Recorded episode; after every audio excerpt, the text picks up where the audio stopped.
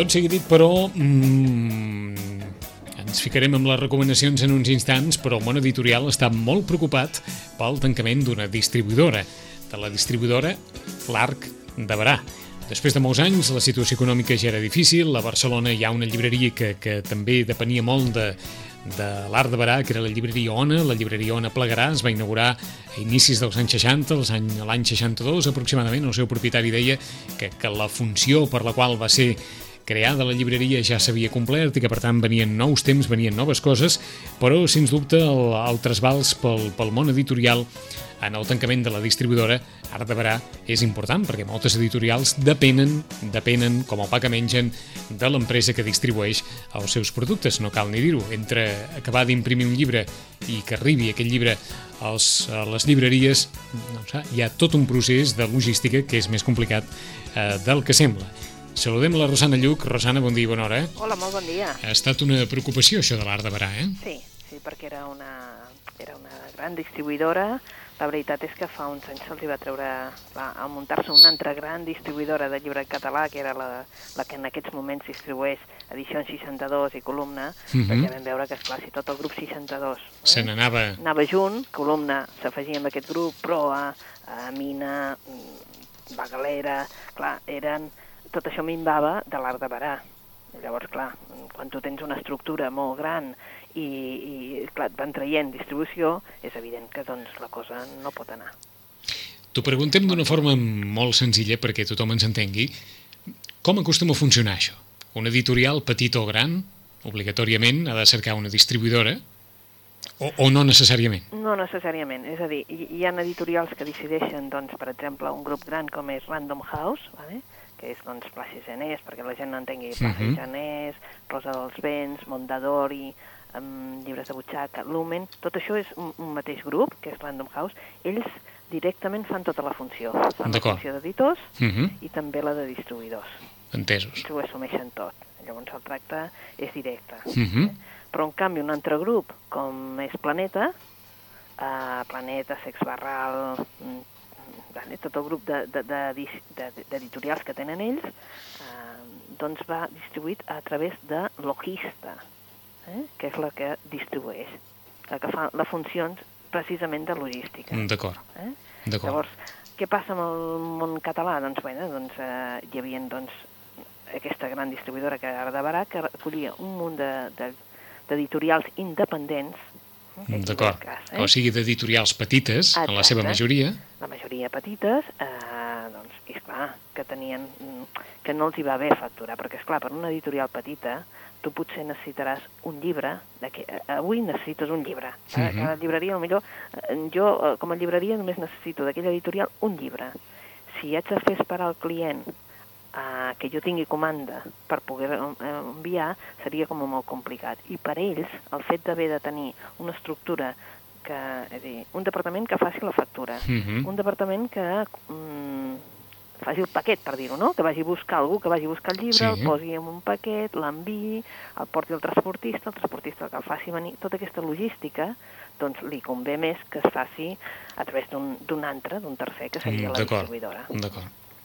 D'acord. Aleshores, l'Art de Barà funcionava com una distribuïdora de moltes petites editorials. De moltes petites editorials, sí. D'acord. Per tant, eh?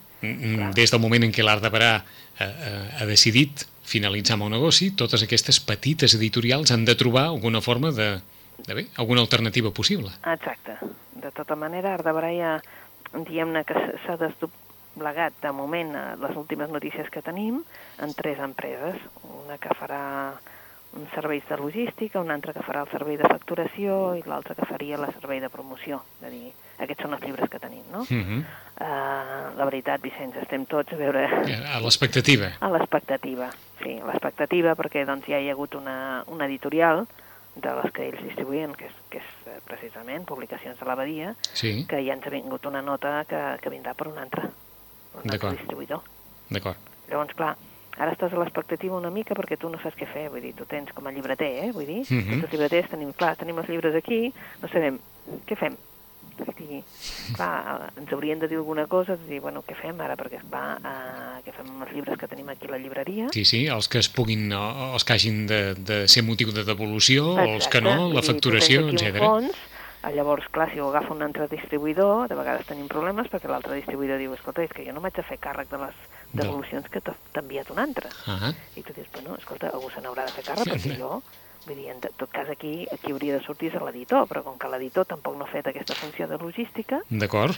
de vegades tenim aquest, saps? Ara Aquest entrebanc. mm, pre preguntem una, un, una bestiesa i una hipòtesi de futur. En el món editorial és importantíssima la distribució, no? Sí, molt, Molt. molt. Molt, perquè saps què passa? Que, clar... És a dir, eh, és pot- probable que hi hagi molt bones obres que no hagin tingut el ressò necessari per una mala distribució? Sí, Sí. sí. Eh? Llavors, el primer que mira l'editor és si el seu llibre està present a les llibreries. D'acord. si ha tingut una bona distribució, diu ell, saps?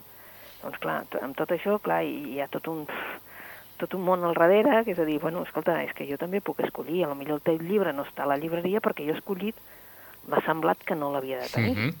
clar, D'acord. i això els costa molt, eh, com a editor, de dir, bueno, i tu per què t'ha semblat? Doncs perquè m'ha semblat que el Mm. tema, o que aquest mes jo no volia tots aquests llibres, perquè, és clar els serveis de novetats ja es podeu imaginar que són immensos. Sí, i- sí, sí. saps allò de dir, bueno, de vegades són uns mails que tu has d'escollir entre cada dia, entre 60, 70, 80 llibres, i dius, bueno, escolta, és que D'acord, però podem plantejar aquella hipòtesi de futur de la qual n'hem parlat en alguna ocasió. sí, Quan el llibre es distribueixi d'una forma electrònica, sí, ni el llibreter caldrà que esculli res, perquè no li suposarà cap, cap esforç que en tenir-ne 50 com 500, per dir-ho d'alguna manera, a través de la plataforma, i les empreses de distribució se suposa que, que si no desapareixeran, quedaran reduïdes a la mínima expressió, perquè la forma de distribuir els continguts serà mm, absolutament una altra, no? Sí, el que passa que desapareixerà tot, eh? El que passa és que ja, ja tenim la primera resposta del client que diu, vale, jo ja tinc el- l'aparell, Sí. vale? i ja m'ho puc descarregar, però no sé què m'haig de descarregar. D'acord. Saps? Vull dir que, clar, és, és Mhm. aquest tema. Si algú no O sigui diu- que, afortunadament, Rosana, Sí. la funció del llibreter sí, de, de, continua sent mm, Exacte, eh, del- fonamental. Del, del, del llibreter que recomana, Sí. saps? I continua sent aquesta funció de que algú ha de dir-te, escolta, Mhm. això val la pena, no? D'acord. Algú ho ha de fer, això. Algú ho ha de fer, sí, perquè, bueno, per cadascú ens regim per coses diferents, no? O sigui, per coses que sentim, per a un consell d'un amic, per a, no? I llavors, clar, eh, nosaltres la resposta que tenim en aquests moments, que encara no hem entrat en, el, en la qüestió dels llibres electrònics, Sí. és aquesta. Bueno, sí, però és que jo el que vull és venir aquí i descarregar-m'ho des d'aquí perquè tu em diguis aquest, aquest i aquest. Dius, Mm, dius, bueno, entesos. Eh? És a dir, anar a la llibreria Eh, perquè sigui la, el llibreter o la llibretera el que pugui aconsellar en el mateix moment i aleshores ja la persona se'n vagi, diguem-ne, amb les descàrregues Sí, ja clar. decidides.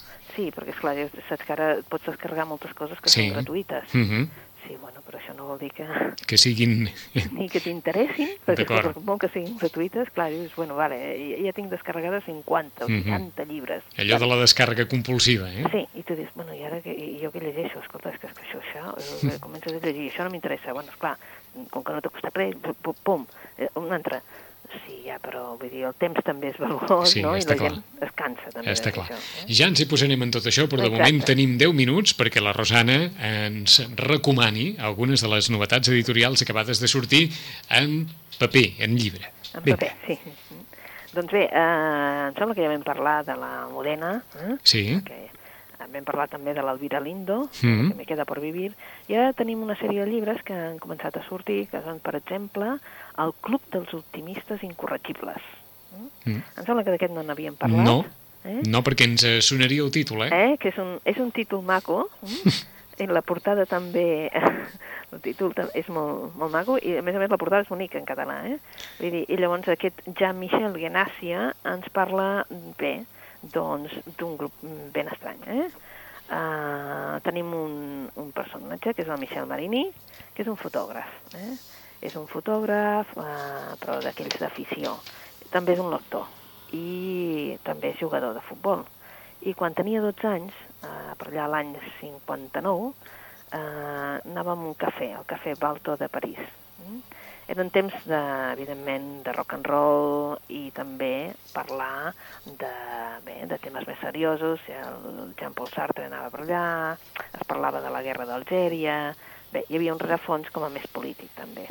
En una sala anexa del cafè de Balto hi havia uns, un, uh, una gent, no?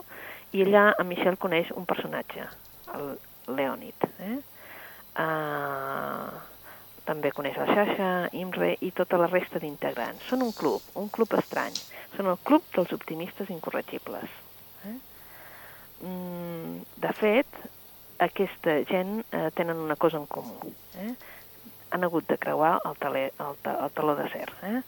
I tots han deixat enrere, evidentment, doncs, que han deixat enrere? Doncs, la família, els amics, l'amor, eh? i per sobreviure eh, tots s'han vist abocats a, a trair doncs, una mica els seus ideals. És a dir, han volgut creuar, han volgut ser lliures i, per tant, han deixat enrere tot el que era una vida. Eh? La trobada en els membres del club canvia l'existència de, del Michel. L'ajuda a oblidar les tensions familiars i els seus embolics així una mica sentimentals. Eh? Ell es converteix doncs, bueno, doncs, amb, el, amb, el, amb el petitó de la colla eh? i a poc a poc eh, va fent un aprenentatge del, del món no? a través d'aquests eh, amics. Aquests amics s'ha de dir que es reuneixen doncs, eh, jugant una partida també d'escac. No? És el retrat d'una generació perquè el que fa el Club dels Optimistes Incorregibles precisament és reconstruir tota una època, tots uns ideals i també és una, una novel·la sorprenent però perquè és una novel·la que, que parla amb, amb molta senzillesa però de coses com a molt importants, no? Això, el fet de trair uns ideals, el fet de deixar família enrere per poder sortir-se'n, eh? i és una mica, doncs, eh, una novel·la de formació d'ell per com a personatge i també uh mhm. -huh. de donar-se doncs, que hi ha una consciència política. Sobretot són els anys 60, recordem que als anys 60 doncs, també hi havia tota aquesta, no? aquest caliu. Eh? Bé, és l'educació sentimental d'un jove i també l'educació que seria més aviat política. D'acord, o sigui que tots aquells que s'apropin a la seixantena sí. es poden sentir molt identificats amb l'esperit d'aquesta obra. Sí, eh? eh? I a més eh, vull dir que és una novel·la d'aquelles que que té un regust amb, amb allò, eh? D'acord, en 60. El Club dels Optimistes Incorregibles de Jean-Michel Genassi en català i en castellà, Rosana? Sí, en català i en castellà. En català sí, i en castellà. En català, però és en català i en castellà. Uh mhm. -huh. Vinga, tenim temps a veure si en podem encabir dues recomanacions més. Dues recomanacions més. Bé, doncs eh, podríem parlar d'un autor que per primera vegada publica un llibre en català, jo diria que és la primera vegada perquè tots els que teníem estàvem en castellà. I és un autor diguem-ne, un autor d'aquests de la generació jove, diguéssim, és un escriptor occidental, periodista cultural, mm, bé, és autor d'aquelles novel·les que el dia que me vaya no se lo dirà nadie, coses que hacen boom, i la darrera, que va ser un èxit també, era Rompepistes. Eh? Les tres estaven publicades per, per anagrama, alguna ja està exaurida i tot, però ell mm, normalment escriu a La Vanguardia, eh? I també, doncs, bueno, és d'aquells personatges que, bueno, que és com a bastant fora del normalet, diguéssim, no? Mm. Escriu una novel·la que es diu uh, L'home intranquil i com a subtítol posa 35 dies en família d'un neuròtic entusiasta. Eh? Bueno, aquí com ja ens té acostumats doncs, bueno, a, a novel·les així diferents, com el Rompepistes, no? I ell és allò de, diu, uh, bueno, que hi ha algú que a l'estiu allò d'aquell dit, ell sempre fa la conya aquella de l'estiu tot a cuca viu, doncs hi ha algú que no viu a l'estiu, eh? que passa les hores doncs allò pregant perquè arriba l'Ecopalixis pren el monoculear, eh, que és el protagonista d'aquest llibre, que, que està com a, com a molta neura. Eh? Eh, eh, és un neuròtic, melancòlic, maníac histèric, i que, que, que l'agafem de sorpresa durant 35 dies a l'estiu en família amb els patidors de la seva demència. La seva dona, que es diu Taronja, i el seu fill, que només té 10 mesos. L'home intranquil, de fet, és allò que gira entorn d'aquells odis, dels amors mm, d'un adult que encara ben bé encara no ha passat a ser un adult de debò. Eh?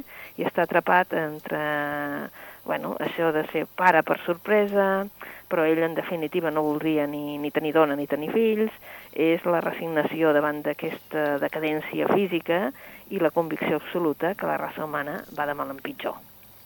Aquesta neurosi que té és, en definitiva, el que condiu que això està mig entre la crònica i, i, i la ficció. No? L'home intranquil ens presenta doncs, un protagonista indignat indignat, eh, que no pot evitar renegar dels pares perfectes, dels turistes, de la televisió, però també de l'estupidesa, de la ignorància, de la dreta, de l'esquerra, de la música, d'aquesta música que a ell no li agrada, i bueno, tindria una llista inacabable de coses d'allò de queixar-se, com tindríem tots, eh? Però amb ell el que se l'enfronta és la taronja, la seva dona, eh? que és sarcàstica i que bueno, que li va donant aquestes dosis de realitat perquè, perquè ell pugui realment viure. Eh? L'home intranquil, evidentment, és una novel·la divertida, si te l'agafes en aquest sentit, que ell és un neuròtic. Eh? Un home infeliç? Sí, bueno, més, més que res és que mm, tot li ve a sobre, no? I encara mm -hmm. no ha donat el pas realment a ser adult i de dir, bueno, les coses són així, més val que les acceptis, no? I les posis cadascosa en el seu lloc, no? D'acord. Més aviat és una novel·la així, doncs, de, divertida. No? Mm -hmm. De Quico Amat, L'home intranquil. Sí, i publicat per columna. I publicat per columna. En dos minuts, Rosana, una Dos última. minuts, doncs, bueno, eh, una que no ens hauríem de perdre, doncs, el Ricardo Piglia. El Ricardo Piglia ens acaba de publicar una obra que es diu Blanco Nocturno i és una novel·la mig policiaca, mig mig allò, mig tot, no? Mm. Uh, ens presenta un personatge, un personatge estrany que va néixer a Puerto Rico però que després va anar cap a Nord-Amèrica, eh? i que en realitat és un personatge que després, eh, quan torna a, les, a Buenos Aires, eh, cap a, quan ja té quasi el començament dels anys 60, doncs el, el maten. Però és que ell havia tingut, el Toni, que és el personatge, havia tingut una vida diferent amb els altres. Uh, coneix a dues, dues germanes, dues germanes bessones, i el que fa és, doncs, bueno, doncs, com que no es pot decidir, es decideix per les dues, i formen un trio. Un trio durant bastants anys, fins que una d'elles, la Sofia, vale, és un trio, però clar, ell és una bona família, Ahà. etc, etc, família de diners, i arriba un moment que eh, una de les dones, la Sofia, decideix doncs, eh, deixar aquest joc, no? I llavors ell es queda amb l'altre, tornen a l'Argentina, però allà realment és on Tom trobarà la seva mort. Eh? A partir del crim, aquesta novel·la policiaca doncs, el que fa és transformar-se en un relat eh? en el que tem doncs, tot que veiem les dinasties familiars, eh, um, bueno, és una novel·la d'aquelles policiaques, però que alhora ens parlen de tota una sèrie de coses, doncs, d'això, no? de, de, d'un personatge que és el Luca Belladonna, que és, bueno, el que realment eh, doncs, té una obstinació en el projecte doncs, de, de trobar-ho, no? i l'aparició també d'un personatge del Piglia, que ja coneixíem, que era l'Emilio Renzi.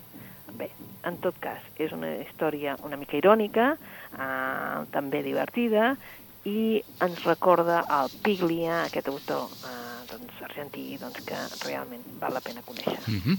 De Ricardo Piglia, Blanco Nocturno, aquesta història policíaca, però amb una barreja, diguem-ne, de, de condicions personals i de situacions personals d'un home de vida agitada. Hem començat per aquí, després, qui vulgui passar una bona estona però qui vulgui desenvolupar l'esperit irònic, l'home intranquil, novel·la de Quico Amat a l'entorn d'algú que encara no ha assumit la seva edat i la seva circumstància i qui vulgui allò recordar l'esperit dels 60 de Jean-Michel Genàcia, el Club dels Optimistes Incorregibles. En 15 dies tornem a saludar la Rosana en el nostre habitual repàs a les novetats literàries. Rosana, fins aquí 15 dies. Fins aquí 15 dies. Que vagi molt bé. Adéu-siau.